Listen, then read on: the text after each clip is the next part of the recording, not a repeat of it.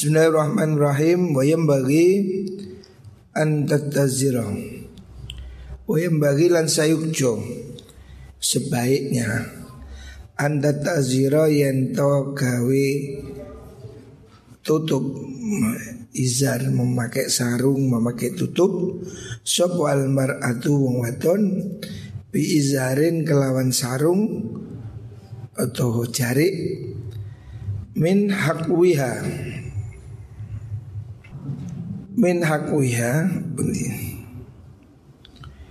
saking kan di sini sini bangkean hakun itu ya jadi minimal pakai pakaian setengah badan ya. Pakai sarung. Jangan telanjang bulat ya. Rasulullah Sallallahu Alaihi Wasallam mengajarkan kalau melakukan hubungan jangan telanjang bulat seperti himar. Sebaiknya yang perempuan itu pakai kain, ya, pakai sarung, pakai jari sampai ke pinggangnya. Fi halil ila fawqir rukbati tumeka maring dhuwure uh, dengkul fi hayalil haidi ing dalam tingkah haid. Kalau di waktu haid suami istri ini tetap boleh melakukan hubungan mesraan tetapi tidak boleh melakukan hubungan seks. Makanya istri jangan telanjang bulat supaya pakai sarung antara pinggang ke dengkul. Jadi daerah ini, daerah tengah ini hati-hati. Di atasnya, di bawahnya tidak apa-apa. Jadi bukan berarti istri yang head itu tidak boleh disentuh sama sekali. Istri yang head itu boleh disentuh, tetapi tidak boleh melakukan hubungan seks. Makanya sebaiknya dia pakai sarung atau pakai celana pendek supaya tidak anu kepleset. Fahadha taikila menggunakan itizar iku minal adabi Setengah sangking totok kromo Ini termasuk dari etika Walau lan iku wenang kedhi zaud Ayu akila yen to ngancani mangan sapa zaud al haidho ing wadon kang haid.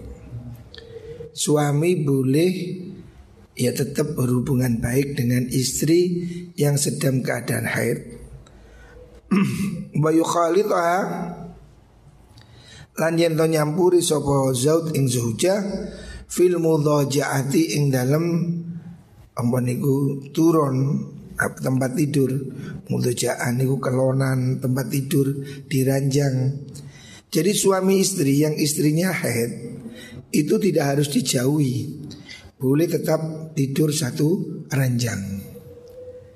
Asalkan dijaga jangan melakukan hubungan seks. Di luar seks boleh. Yos, indohoi apa bermesraan boleh-boleh saja. Wa ghairiha lan yani mengkuno mudhajah. Walaisalan ora ono iku alaihi wajib ing atase Zaud apa istima buha ngedoi ing mar'ah tidak harus dijauhi ya. Wa in arada lan lamun ngarepaken sapa Zaud ayu jami'a ing yen tonji mak sapa Zaud sambal kaping bindu kalau istri suami itu mau embuh ya. Apa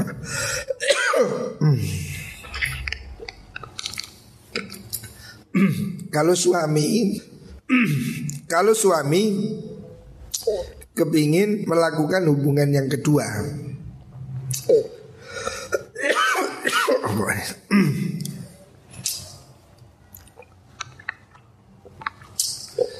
Ba'da ukhra. Sausi ambalan kang meneh. Ya Allah. Kalau suami itu Menginginkan hubungan yang kedua. Istilah Jawane tanduk embuh ya. Fal yaghsil mongko becik mbahsu sapa Zaud farjau ing verjini Zaud awalan ing dalam kawitani jadi kalau mau dipakai lagi supaya dicuci dulu itunya alatnya itu. Begitu kayak yang perempuan jadi kalau sudah melakukan hubungan ronde pertama ronde kedua ini supaya cawi gitu supaya bersih ya. Ini sunnah begitu. Iling-ilingan catatan. Wa ini hatala malan lamun mimpi sopo zaud ihtilam itu ngimpi metumani fala yujami'u mongko ora kanon jima sopo zaud ora kanon jima hatta yagsila sehingga basuh sopo zaud farjahu ing verjini zaud Farji itu alat kelamin Au yabula utawa yen tongguyu sapa Zaud. Nah. Jadi kalau suami mau melanjutkan ronde kedua itu supaya anunya dicuci dulu. Cewok dulu lah, cewok. Begitu juga kalau dia habis ngimpi metumani, habis mimpi basah supaya kencing dulu atau cawi dulu. Wa yukraulan dan makruhakan opo al jima jima fi awalil laili ing dalam kawitane wengi. Hatta la yanamu hatta la yanamu sehingga ora turu sapa wong ala ghairi taharatin ing atase liyane tingkah suci.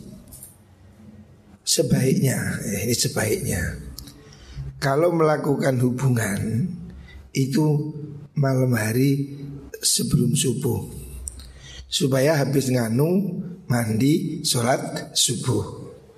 Kalau nganunya itu habis maghrib atau habis isya kan adem tidak mandi sehingga dia tidur dalam keadaan junub itu tidak bagus ya. Sebaiknya junub dulu baru tidur supaya dia tidak tidur dalam keadaan junub. Ya. Hatta layana masih ora turu zaud ala ghairu taharatin ing atase liyane tingkah suci. Jadi kalau kalau mau gituan ya, itu sebaiknya jam 3 atau jam jadi tidur dulu habis sisa tidur dulu malam pasang beker kering jam 3 bangun nah, baru dilanjutkan. Nah. Fa'in arad dalam mengharapkan sebuah zaud an nauma ing turu awil akla utawa mangan fal yatawaddo mongko becik wudu sapa mengkono rajul do zaud awalan ing dalem kawitane wudu as-sholati kelawan kaya wudu salat wudu as-sholati kelawan kaya wudu salat fadzalika uta mengkono wudu iku sunnatun sunnah. Kalau kamu belum mandi terus kepingin makan atau kepingin tidur sebaiknya minimal wudhu dulu. Habis wudhu baru tidur. Habis wudhu baru makan. Dimakruhkan makan atau tidur dalam keadaan junub. Nah, minimal dia keadaan wudhu Wadhalika mengkunu wudhu Iku sunnatun sunnah Jadi sunnah Kamu laki-laki perempuan kalau tidur atau makan itu jalan jangan dalam keadaan junub. Jadi kalau kamu junub mau makan mandi dulu. Kalau tidak sempat minimal wudhu dulu baru makan ya. Itu sunnah. Kalau Daud sebuah Ibnu Umar, Abdullah Ibnu Umar Kultu dawu ingsun ngucap ingsun lin Nabi maring Nabi Muhammad sallallahu alaihi wasallam. Ayana mu ono to kena turu haduna salah suci kita Wa halite ahad Iku junubun junub Boleh enggak orang itu Tidur dalam keadaan junub Olah jawab sinten Nabi Naam iyo Iya boleh. Idha tawaddo'a Nalikani wudhu sopo ahad. Jadi kalau kamu dalam keadaan junub Hendaknya kalau mau tidur atau mau makan itu wudhu dulu. Kalau sempat mandi dulu Itu lebih bagus Walakin waradat tapi ustumaka fihi dalam mengkuno wudhu Apa ruhsatun kemurahan. Artinya tidak wajib. Ada kemurahan. Hukumnya sunnah. Qala Dawus dan Aisyah tu Sayyidah Aisyah radhiyallahu anha. Karena ono sopan Nabi sallallahu alaihi wasallam. Iku yana musari sopan Nabi junuban hale junub. Lam yamas suara demek sapa Kanjeng Nabi ma'an ing banyu. Nabi pernah tidur dalam keadaan junub. Artinya ini membuktikan bahwa anjuran untuk tidak tidur itu hukumnya sunnah, tapi tidak wajib. Karena Nabi juga pernah melakukan tidur sebelum mandi dalam keadaan junub. Wa mahma adalan kapan-kapan balik supo wong ila firoshi maring leme wong fal yamsah mongko becik ngusap supo wong wajah firoshi ing wajahe leme wong. Maksudnya dikebasi. Aul atau yang tau ngebahasakan sebuah wong hu ing virus. Kalau mau pakai lagi, mau dipakai lagi itu alasnya itu sudah dikebasi. Fa'inau sudah wong iku layatri ora weruh sapa wong ma ing perkara hadatsa kang anyar teko alihi ing atase mengkono virus ba'dahu sause mengkono jima. Jadi kalau habis dipakai jima ambene diriciki. Jangan-jangan di situ banyak anu berjejeran, tumpah-tumpah. Walayam bagilan orang sayukjo tidak bagus. Apa yahlika yento nyukur sepowong. Jadi cukur dalam keadaan junub itu tidak bagus. Ya. Bukan tidak boleh, tapi tidak bagus. Artinya boleh saja, tapi tidak baik. Ya. Orang dalam keadaan junub cukur itu bukan tidak boleh, boleh tapi tidak baik. Ya. Sebaiknya jangan cukur dalam keadaan junub, mandi dulu supaya anggota tubuh ini terpotong dalam keadaan suci. Au yang kelima utawa yen to ngetok iso wong dhufrahu ing kukune wong, jangan ketok kuku. Au yastahidda utawa au yastahidda utawa yen to ya anu ngeroi mencukur pakai inilah apa keroan nih loh keroan. Yastahidda itu pakai alat cukur ya. Kalau sekarang pakai apa? Silat tidak membersihkan apa namanya? Ya buat bulu-bulu itu ya. Au yo kerja atau yang ngetakan sopo wong adama ing getih atau dia mengeluarkan darah, cantuk, bekam itu tidak bagus. Dalam keadaan junub. Wala ayubina wala ayubina dan orang yang ngilangakan sopo wong, maksudnya itu memutus operasi, maksudnya minafsihi saking awak diwini wong, jusan ing bagian atau operasi mau diamputasi bawahnya dalam jangan dalam keadaan junub supaya itu redu karena dan balakan ilahi maring wong apa sairu ajzaihi sekerine piro-piro anggota tubuh wong jus bagian tubuh wong karena alasannya menurut Imam Ghazali Kenapa orang junub tidak bagus cukur Sebaiknya tidak menggunting rambut, kuku dan yang lain Supaya nanti dia waktu dibangkitkan Itu semuanya dalam keadaan suci gitu. Karena dari riwayat nanti yang junub itu dikembalikan dalam keadaan junub Faya udu mongko bali opo opo mengkono mongsopo wong iku junuban junub. Maka kalau kamu potong waktu junub nanti kembali dalam keadaan junub. Wa yuqalu dan diucapkan opo inna kulla sya'ratin Setune saben-saben kuku Iku tutalibu nyupri opo Sya'rahu ing wong bijana bihatiha kelawan janabai wong. Jadi rambut yang dipotong dalam keadaan masih junub itu nanti akan menuntut minta dimandikan menurut Imam Ghazali. Tapi tidak ada dalil yang melarang. Makanya di sini tidak di, tidak diharamkan, cuma dianjurkan. Sebaiknya dalam keadaan junub jangan potong rambut, jangan potong kuku, jangan melakukan operasi.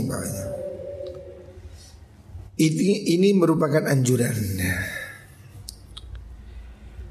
Wa minal adabilan iku setengah saking adab Adab bersenggama Allah zila yutawi yento ora azal Azal niku napa? Azal itu ditokno ke nih. Ya, azal itu apa bahasa Indonesia ya?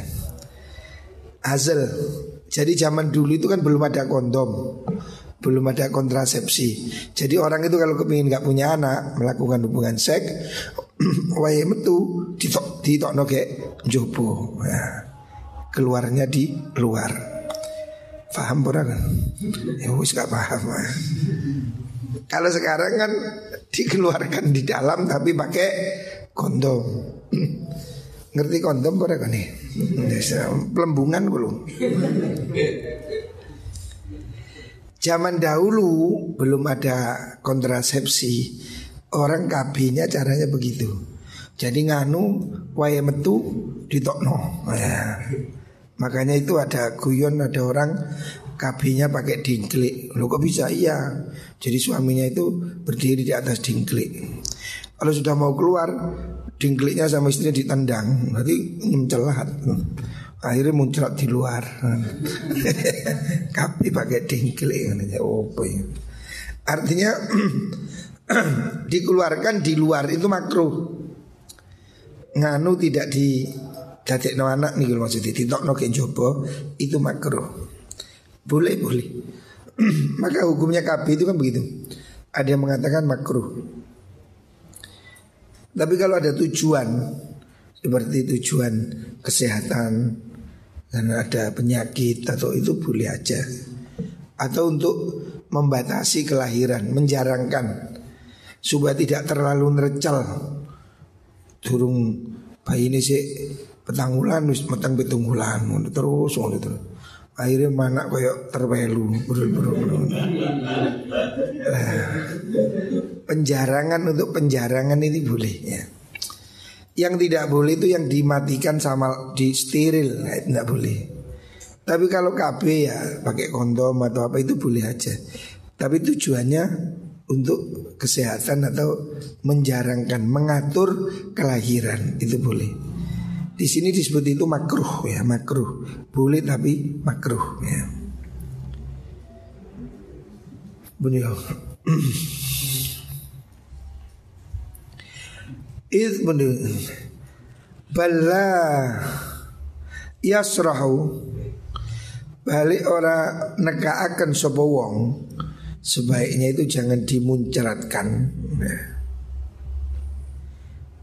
Alma'a ing banyu mani Ila Opal yasrahu balik ngetoakan sapa wong alma'a ing banyu banyu mani sperma ila mahalil harthi maring panggonane nandur. Itu kan bibit di sini. Sperma itu kan bibit. Ya tanam di sawah. Ya di tempatnya istrimu itu kan sawahmu.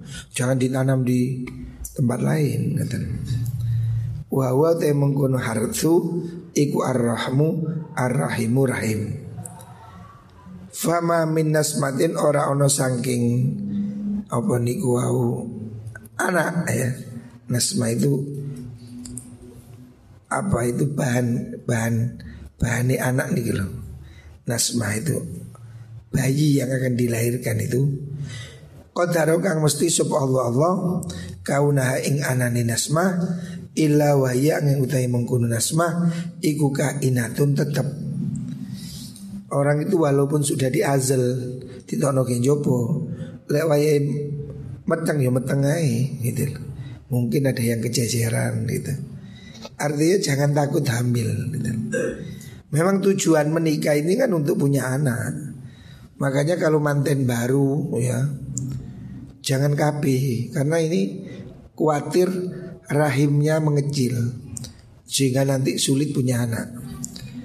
Tapi kalau untuk anak kedua sudah punya anak satu supaya ada jarak boleh ya. Tapi kalau pertama jangan. Nanti takutnya malah tidak punya anak, malah susah gitu. Jadi hukumnya KB itu sama dengan azal tadi. Kalau istilahnya Arab zaman dulu itu azal. Azal itu artinya melakukan hubungan seks tapi tidak dikeluarkan di lubang sasarannya, dikeluarkan di luar itu makruh. Karena itu menyia-nyiakan bibit ya. Bibit itu kan sperma ini kan bibit ya hendaknya ditanam di tempat yang benar Kalau udah takdirnya punya anak ya punya anak kata. Qala dawu Rasulullah sallallahu alaihi wasallam Akadang, akadang kau mengkuno mengkuno kaul. Qala dawu Rasulullah sallallahu alaihi wasallam. Fa'in azala lamun azal sopo wong Azal itu tadi Mengeluarkan sperma di luar tempat Ya. Azal faqad ikhtalafa teman persulayaan sopal ulama ulama fi ibahati dalam menangi menggunakan azal hukumnya melakukan hubungan seks tapi tidak dikeluarkan di dalam nopo nih yo anu niku nikune mboten ditokno ke jero jadi wis kate anu ditokno semburat nah, di luar hukumnya ini khilaf ya. Boleh apa tidak? Ini khilaf. Fi ibahati ing dalam wenangi menggunakan azal wa karahati lan makuri azal ala arbaati ing atase papat pira-pira madzhab. Ada empat pendapat tentang hukumnya melakukan hubungan seks tapi maninya tidak dikeluarkan di tempatnya. Ada empat pendapat. Faman mongko ono wong famin mubihin mutlakon bikulli halin. Faman ngoten ono wong mubihun kang menangaken sopoman mutlakon kelawan mutlak bikulli halin kelawan saben-saben tingkah. Ada orang yang membolehkan secara mutlak ya. Ada yang mengatakan begitu ya. Wamanan wong atau wa min muharramin dengan muharrimin lan wong kang ngaromaken ngaromaken bikulli halin kelan saben-saben tingkah. Ada yang mengatakan haram secara mutlak, ada yang mengatakan halal secara mutlak. Ya. Ini perbedaan pendapat. Ya. Wa min qailin lan ana saking wong kang ngucap yuhillu kang yahillu kang halal apa azal Biridwa klan ridhoni zaujah Ada yang mengatakan halal kalau diizini oleh istrinya Walaya ilulan ora halal opo azal Biduni ridwa klan tanpa ridhoni mar'ah. Ini madhab Hanafi ini. Kalau yang mengharamkan secara mutlak itu Madhabnya Imam Ahmad. Wa ka'anna hadhal qail Kaya seduni kila wong kang ngucap iku ya harimu ngaromaken apa qail? Al idza'a ing laraakan dunal asli ora ing azal. Alasannya tidak boleh itu karena menyakiti istri. Kan kenikmatannya berkurang. Kemarin kan disebutkan kenikmatan istri itu kan kalau orgasme bersama-sama. Nah kalau ini orgasme di luar istrinya kan kecewa. Maka itu menurut Imam Ahmad tidak dibolehkan. Wa min qailan ana saking wong kang ngucap yubah kang den wenangaken yubah den wenangaken apa azal fil mamlukati dalam waton kang den miliki maksudnya budak dilakukan pada budak tunal khurrati ora waton kang merdeka. Jadi ada yang mengatakan pendapat begitu ya. Jadi pendapat ulama tentang masalah ini masalah apa namanya azal kalau hari ini ya kontrasepsi ini intinya mencegah kehamilan.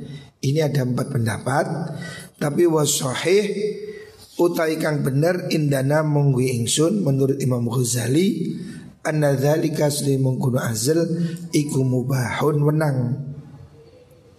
Kalau menurut Imam Ghazali itu boleh ya.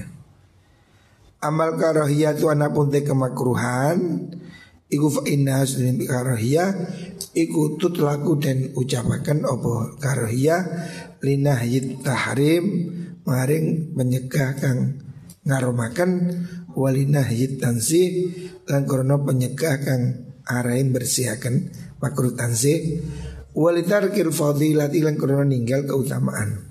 Fawa utai mengkono mengkono mengkono. Karoha niku azal niku wau iku makruhun makruh bil makna salis kan makna kang nomor telu. Maksudnya makruh dalam arti tarkul fadilah. Aifi tegesi den Aifi dalam mengkono azal tarku fadilatin utai tinggal fadilah jadi hukumnya melakukan seks tanpa orgasme di dalam atau kalau hari ini ya kontrasepsi alat KB itu berbeda pendapat di kalangan ulama.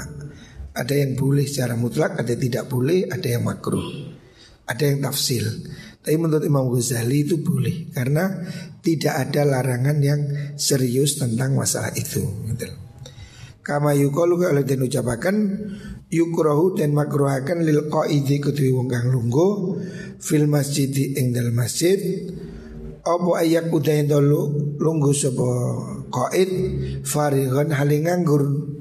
Orang di masjid duduk nganggur itu makruh. La yastagilu orang ketungkul sapa wong widzikrin kelawan zikir wala sholatin dan orang sholat. Orang di masjid yang lamun tenguk-tenguk itu makruh. Makruh dalam arti tidak bagus, bukan berarti tidak boleh.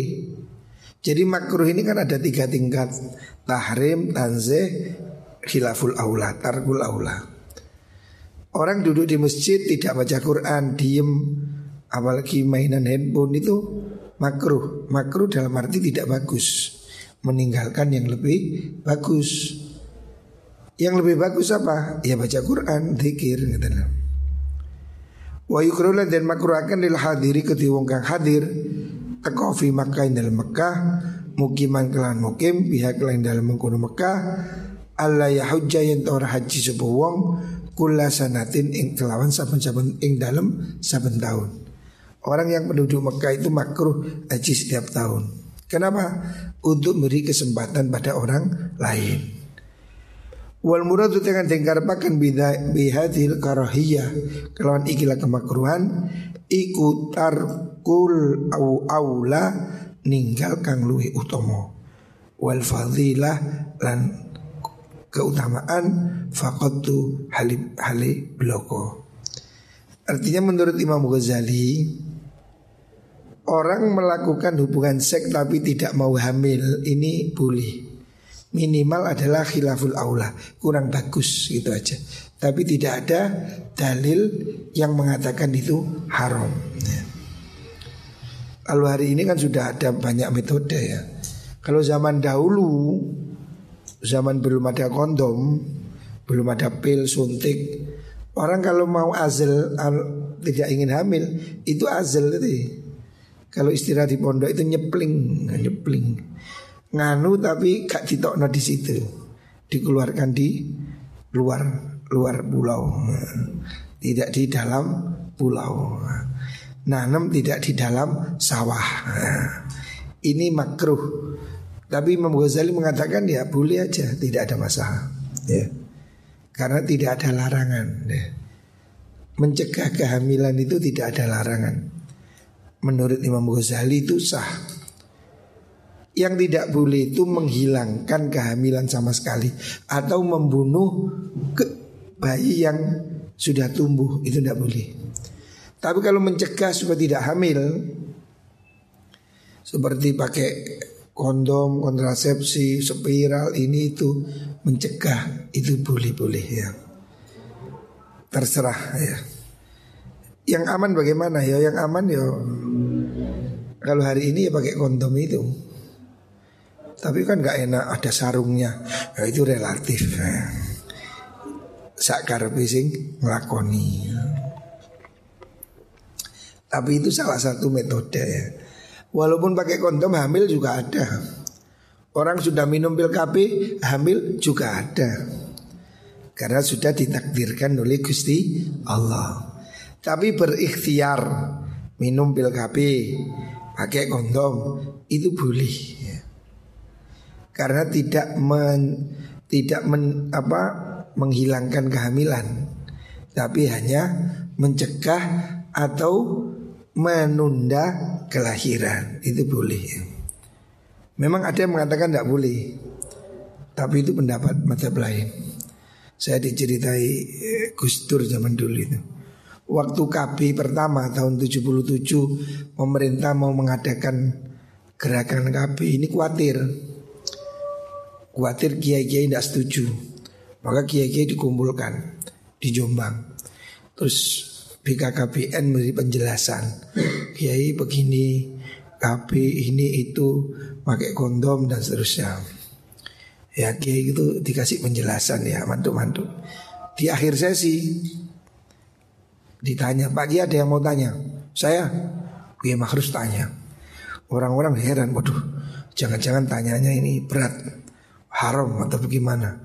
Ternyata Kiai harus tanya katanya Itu kondom ukuran mana itu? Kok besar? Artinya ya tidak apa-apa gitu. Itu kondom Pakistan apa katanya? Kok gede katanya. Artinya beliau bercanda aja Tidak apa-apa. Jadi boleh-boleh aja ya. Orang menunda kehamilan itu boleh. Asalkan tidak menghilangkan sama sekali. Lah itu yang tidak boleh ya tapi hari ini juga ada yang harusnya boleh karena apa? Membahayakan penyakit atau apa.